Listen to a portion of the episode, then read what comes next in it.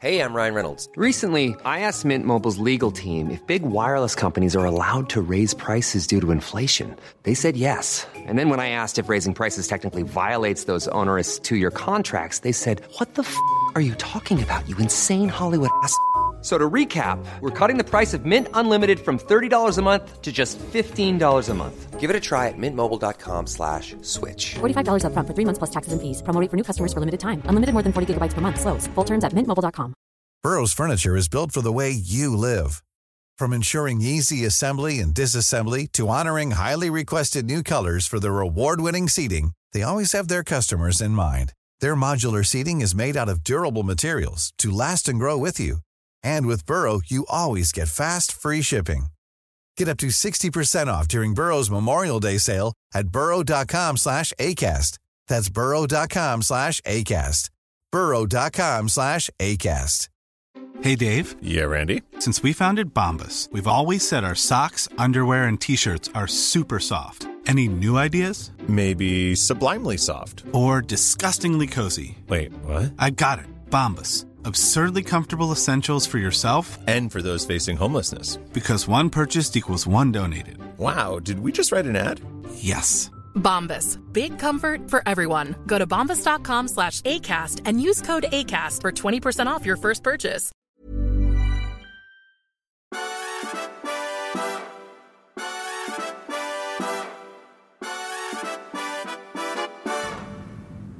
God morgon. God morgon, se jag väntade igen. Jag har bestämt mig för att Det var jag som, först. nu, nu var jag snabbare än du så du behöver inte kalla det för att du väntar älskling. Jag, jag gillar det ändå. All right. mm. Okej, vi säger så. Eh, vad har du på hjärtat? Vad ska du prata om idag? Vad tänker du ta upp? Vad är det som är spännande? Vad är viktigt? Jag tycker att vi ändå kan börja med någonting som både kan vara egentligen veckans mest aktuella och veckans retro, nämligen försvarsviljan. Försvarsvilja, ja, Det har ju just varit en stor sak är- på den är- Twitter. Jag vet inte hur många som följer det, men efter Folk och Försvar i Sälen Ja.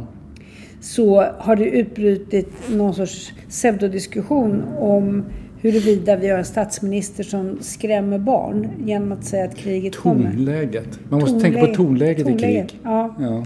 Eh, och eh, ja, Att det är retro menar du att det fanns kanske försvarsvilja lite mer förut? jag tror att eh, många har vuxit upp i familjer bakåt där man tycker att det är helt naturligt att göra lumpen och försvara det land där man bor.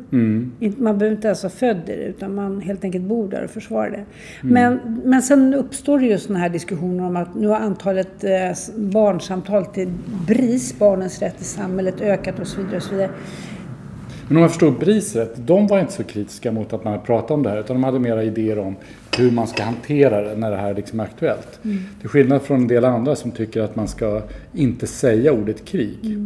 Vilket är Så lite- är, det verkligen så otroligt många barn som kastar sig på telefonen? Jag vet inte. Det kanske kan vara det, jag vet inte. Det, alltså det är ju lite konstigt för att det känns ju som om många barn kanske inte uppfostras så mycket av sina föräldrar längre utan av sociala medier TikTok. och TikTok. Eh, och och eh, det tycker jag man ska lasta föräldrar för. Jag Det- tycker, det, någon, alltså, någon bär ansvaret. Ja, därför att man brukar alltid säga så här, och det är så svårt att vara förälder. Och det är klart att det är, det har alltid varit svårt att vara förälder. Och just nu när man är förälder så är det svårare att se till att man håller barnen borta Mm. från sånt där. Och att de istället lyssnar på, ens, på sina föräldrar. Det är antagligen egentligen själva, själva inbegreppet av att vara förälder. Det är att det är någonting svårt man har tagit på sig. Jag Man, man att- vet inte exakt hur man ska lösa det. Jag misstänker att problemet, ett större problem är att eh, föräldrarna sitter på sociala medier så mycket så att de inte har tid att ägna sig åt sina barn. Kanske. Ja. Och sen måste jag säga att Om ni hör en massa oljud i bakgrunden beror på så att beror det på att det är oljud i ja, bakgrunden. det är vi i Kapstaden är mitt i stan och folk åker ibland motorcykel och sådär. Ja, så kan det vara. Även på lördagmorgnar får de ju göra det. Det är Ja, ingen som har det är förbjudit det. tillåtet. Det är okej. Nej, men det som har hänt är väl egentligen att Göran Greider, hela vänsterns egen nallebjörns poet, faktiskt har gått ut och sagt att han tror att vår försvarsminister önskar sig krig.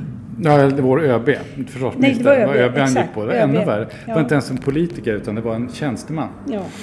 Nej, och just det. Och sen så när han då fick mothugg nu i, om det var i förrgår eller igår, av, av eh, Mikael Tornvig, alltså komikern Mikael Tornvig. Eh, han är ju nämligen officer i grunden.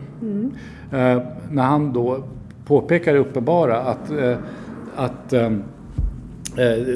människor som jobbar i försvaret inte vill ha krig mer än läkare vill ha sjukdom eller, eller eh, ja, motsvarande sådana saker.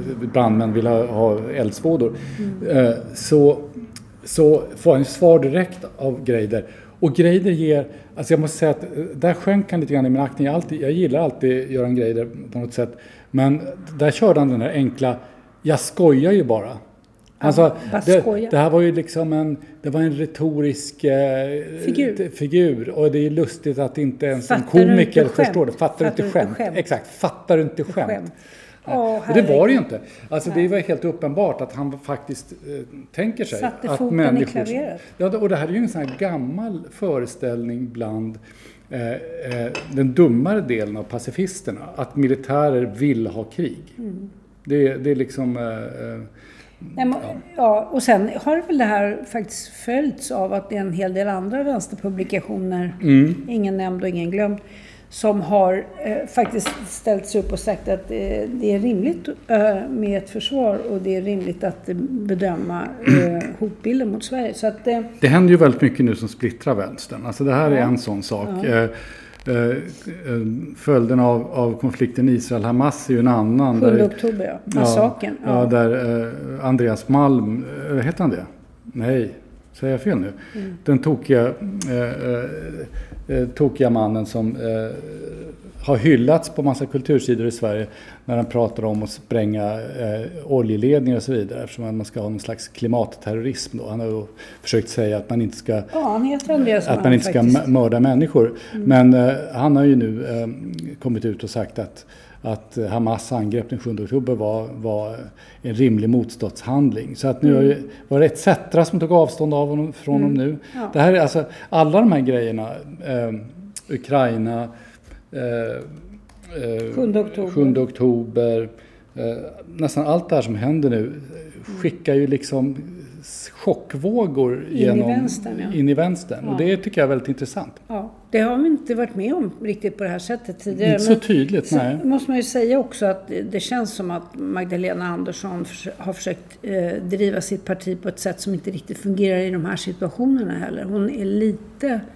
Eh, det började med El Hamay som hon kallade för El Hamas. Ja, men det kan ju, Det kan hända, kan ju men, hända. men det är ju faktiskt ändå ganska... Ja. Ja. Ja. Eh, Men, men det, det, försvaret av honom som en person som... eh, ja, det var en annan sak.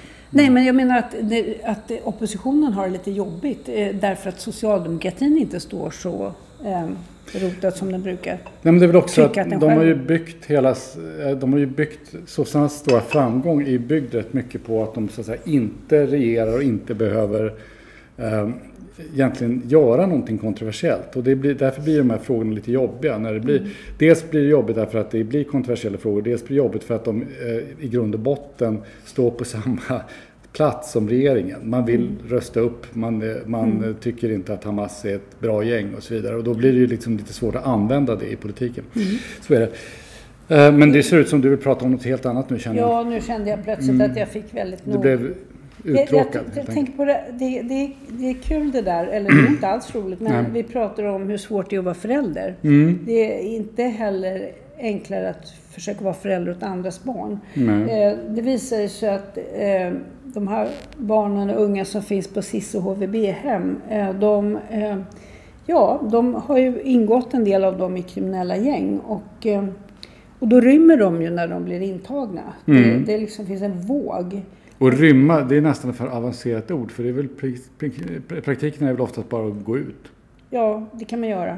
Men vet du vad som har varit ett stort men här? Nej. Nämligen att när personalen upptäcker att det är någon som har avvikt eller är Mm, på väg att göra det, då larmar de polisen, fast de gör det med fax. Med fax. Med fax. Det är underbart. Ja, det betyder alltså att det är ganska svårt att stoppa de här sakerna för att det, det kommer för sent. Det där påminner mig om... Finns det ens faxar längre? Ja, det undrar man ju. Det påminner mig lite grann om Evelyn Waughs fina roman Scoop. När en reporter ska åka till Afrika. Han köper en, en stor mängd med stavar som är kluvna i toppen för att man ska kunna sätta meddelanden där och så ska man kunna skicka iväg springare med meddelanden.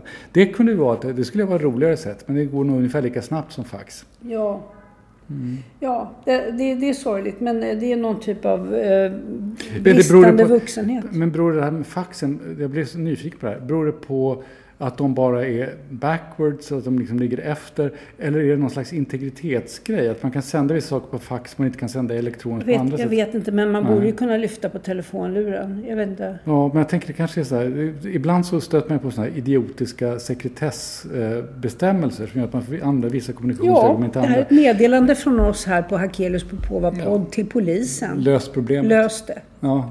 Vi, vi kommunicerar på det här sättet. Vi kanske skulle ha en faxpodd. Det kanske vore kul.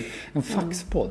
Det tycker jag är bra. När, när, eh, när eh, bloggarna kom, första bloggarna kom, då var det ju någon, jag kommer inte ihåg vem det var, jag tror det var en sportjournalist eh, på Aftonbladet som hade sin pappersblogg. Det tycker jag faktiskt var väldigt roligt. Det vill säga, han skrev en kolumn, men Ja, han det kallade det för pappersblogg. Ja, det tycker jag var roligt.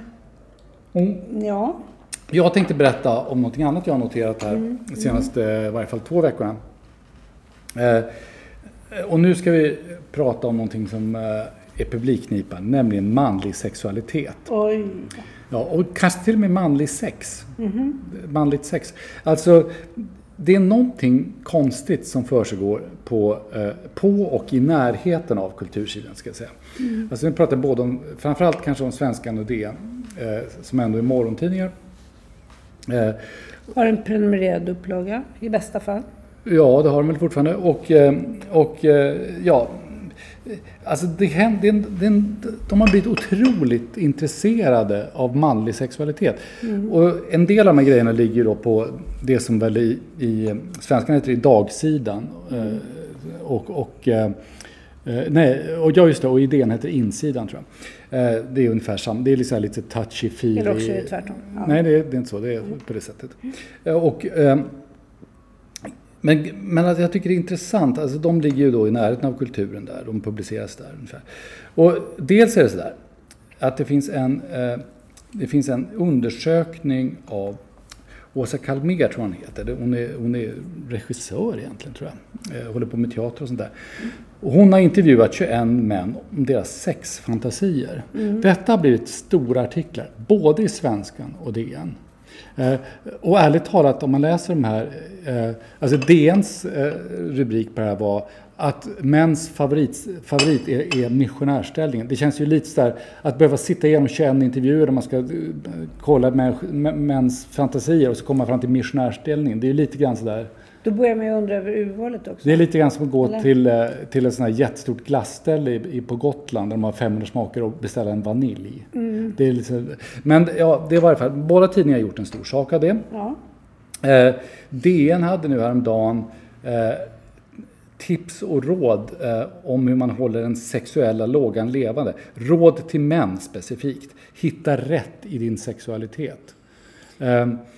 Eh, Har den gömt sig? Ja, Svenskan hade nu i veckan något som jag måste säga, jag tror faktiskt att det var den i särklass mest idiotiska artikel jag läst i en tidning på många år.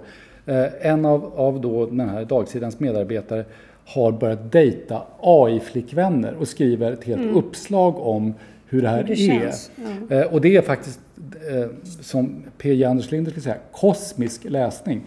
Och det är inte positivt kan jag säga. Eh, det är så dumt så att det är, alltså när han ska göra, han har två stycken alternativa AI-flickvänner.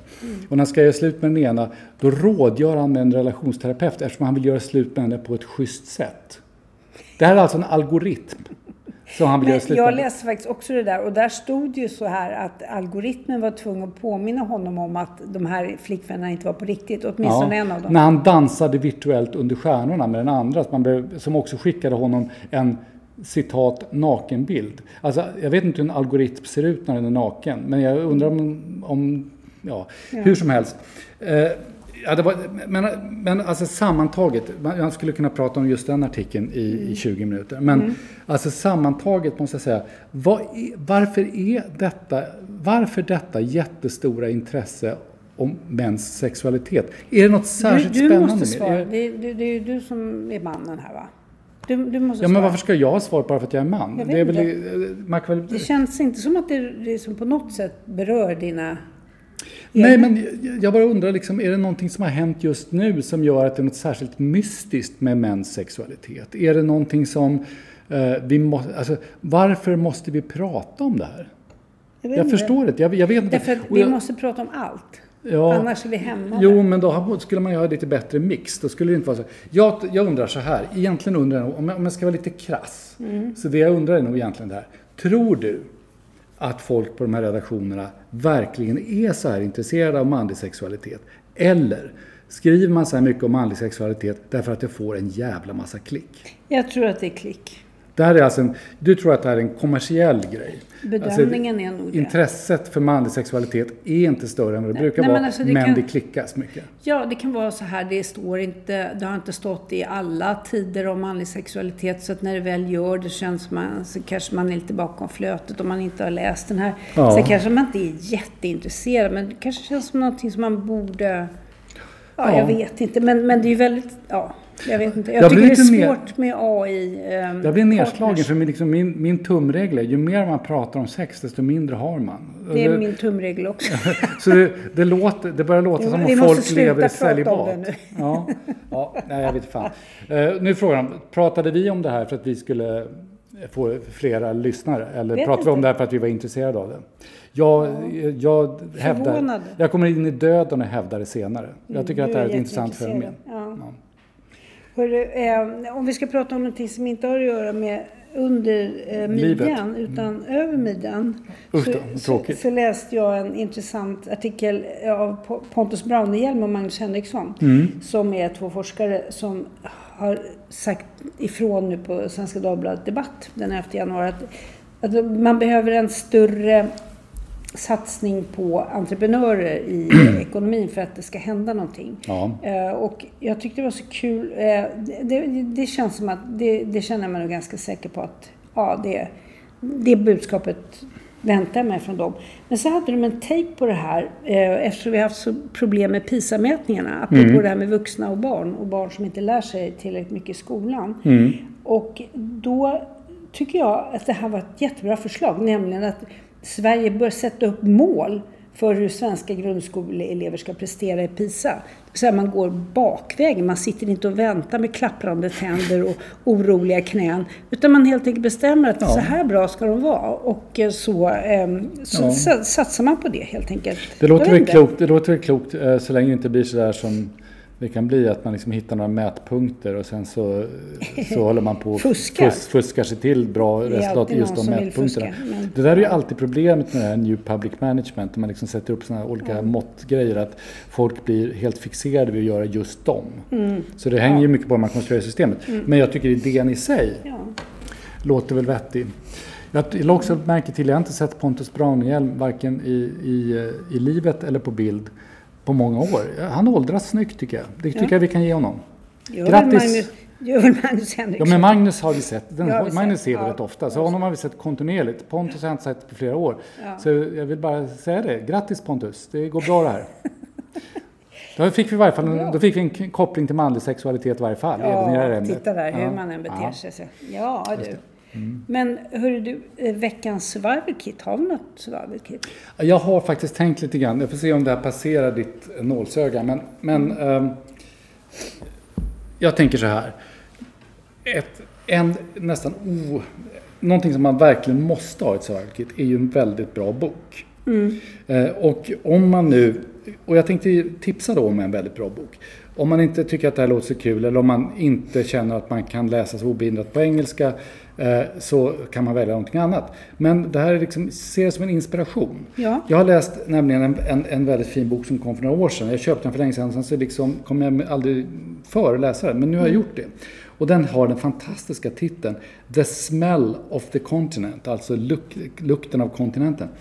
Eh, och den handlar om hur britterna började resa på kontinenten eh, efter Napoleonkrigen. Därför att när Napoleon, eh, efter, franska revolutionen och Napoleon så, där, så kunde ju britterna liksom under en hel generation i stort sett inte resa. De satt hemma på sin ö där och väntade på att det skulle bli ordning på Europa igen. Och de som, britter som var på kontinenten var ju där för att slåss och så, så det var inte så kul. Men direkt liksom efter Waterloo så börjar britterna resa. Och det här är en fantastisk bok om de hundra åren mellan 1814 och 1914 då när första världskriget bryter ut och det blir bökigt igen. Eh, och hur, egentligen hur britterna grundlägger hela den moderna turistindustrin. Och, och, eh, och den är fylld av sådana här fantastiska... Det är två män som har skrivit den här. Richard, Richard Mullen och James Munson heter de. Eh, och eh, den är fylld av sådana här roliga anekdoter. Men det är också en sån här bok som man är så rolig att läsa därför att den...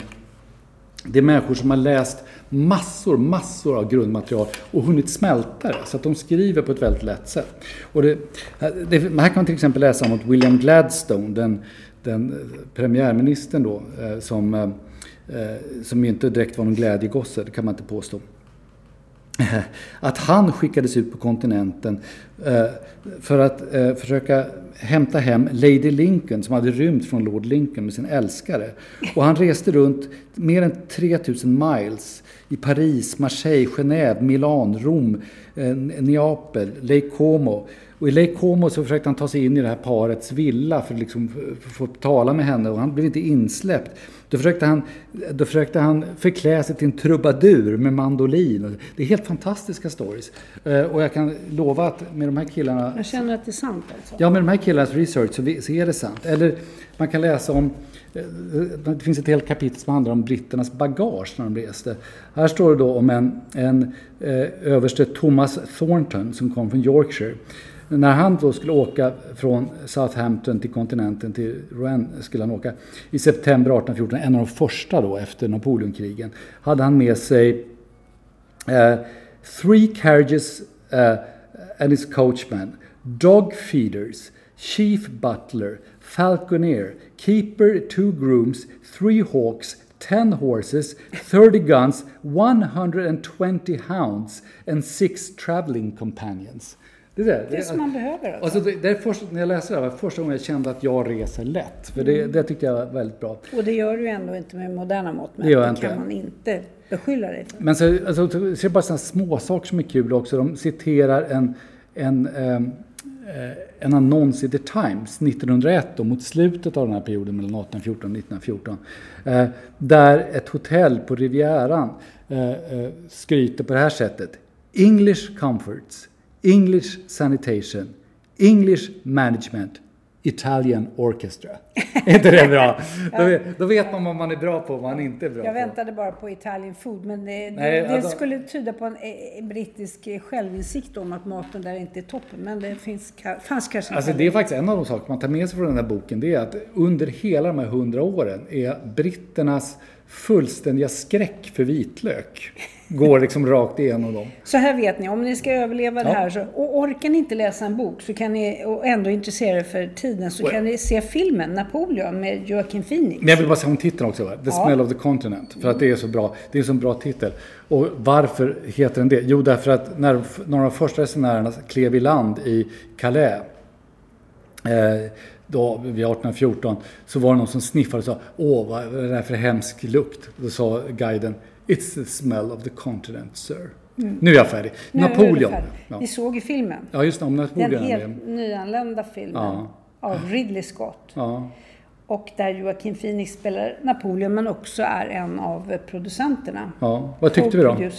Ja, det är väldigt svårt med så kallade biopics. Alltså det här ja. är ju en historia som då man förväntas känna till i stora drag. Mm. Och det gör man ju. Och eh, den är också berättad kronologiskt. Det är också mm. lite svårt.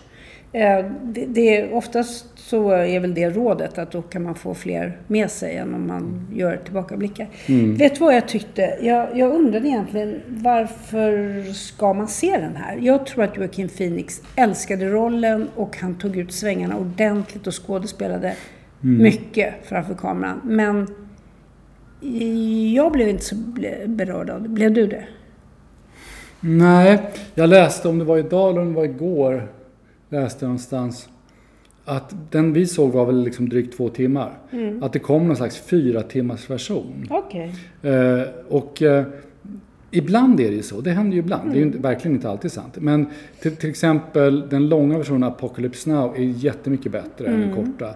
Och eh, Dolce Vita. Den är ju begriplig när, Den är- i din ja, den- uncut.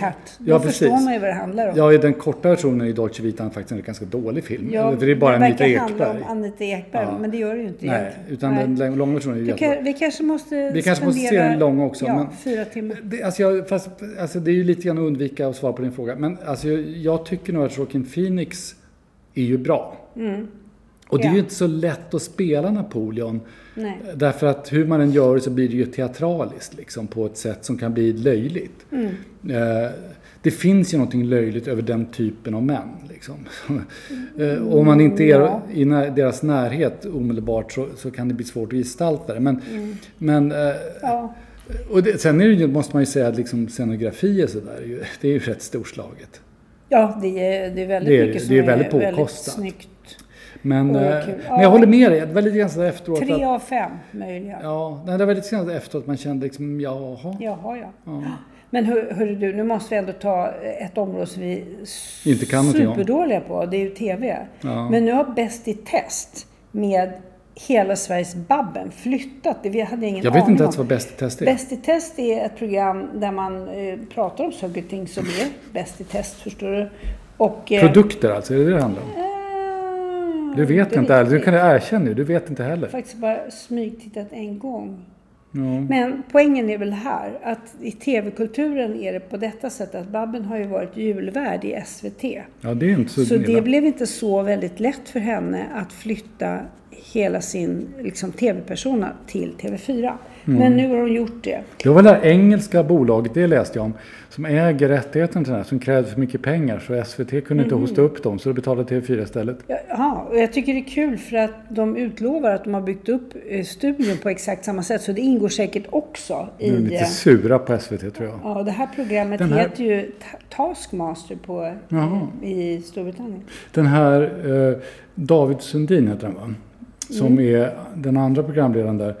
Ha- Han är ju för mig också en okänd person men jag har bara sett honom Du kan ju inte påstå att Babben är okänd. Nej, nej, nej, Babben är inte okänd. Men, men, Ja. eh, men han är för mig okänd. Eh, Men jag har sett honom två gånger tror jag och jag tyckte han var väldigt bra. Han har en sån där Buster Keaton-mimik. Alltså det, det händer väldigt mycket utan att, utan att någonting händer. Han lyfter lite grann på ett ögonbryn sådär. Han är, han är, han är helt enkelt bra. Han går igenom rutan Ja, som det gör hette förr i tiden. Ja, det gör de båda två. Ja. Och sen kan väl jag passa på och, och kasta in bara då att, Mm. att eh, Babben, liksom jag själv, är stadsbrudar. Det vill säga medlemmar av en... Ja, jag tycker man kan nämna att vi är medlemmar av en välgörenhetsorganisation som stödjer behövande kvinnor och barn i Storstockholm. Det kan man googla på och sen så kan man alltid hitta ett sätt att bidra. Det är väl rent av så att du var ordförande och sen är Babben efterträtt dig som Ja, ordförande. precis så ni så är, är det. liksom, ni är Hon är en utmärkt ordförande för Ja, stadsbruket. Till skillnad från den förra. Nej, förlåt. Nu säger jag fel. Jag, kan, jag böjde hålla med dig. Ja. Mm. Ja. Men du, nu tror jag att vi får Ja, nu har vi faktiskt prövat vi- våra lyssnares tålamod. Ja. Ja. Men vi tackar för att ni lyssnar. och ni som inte lyssnar, er tackar vi inte, men det har ju inte ni. Men ni kan få reda på det på ett annat sätt och då Ja. är, finns det en lösning. Börja Genom lyssna. SoMe. Börja lyssna. Ja. Ja. Vi säger så, vi lägger av nu. Vi, vi hörs om en vecka. Sköt er.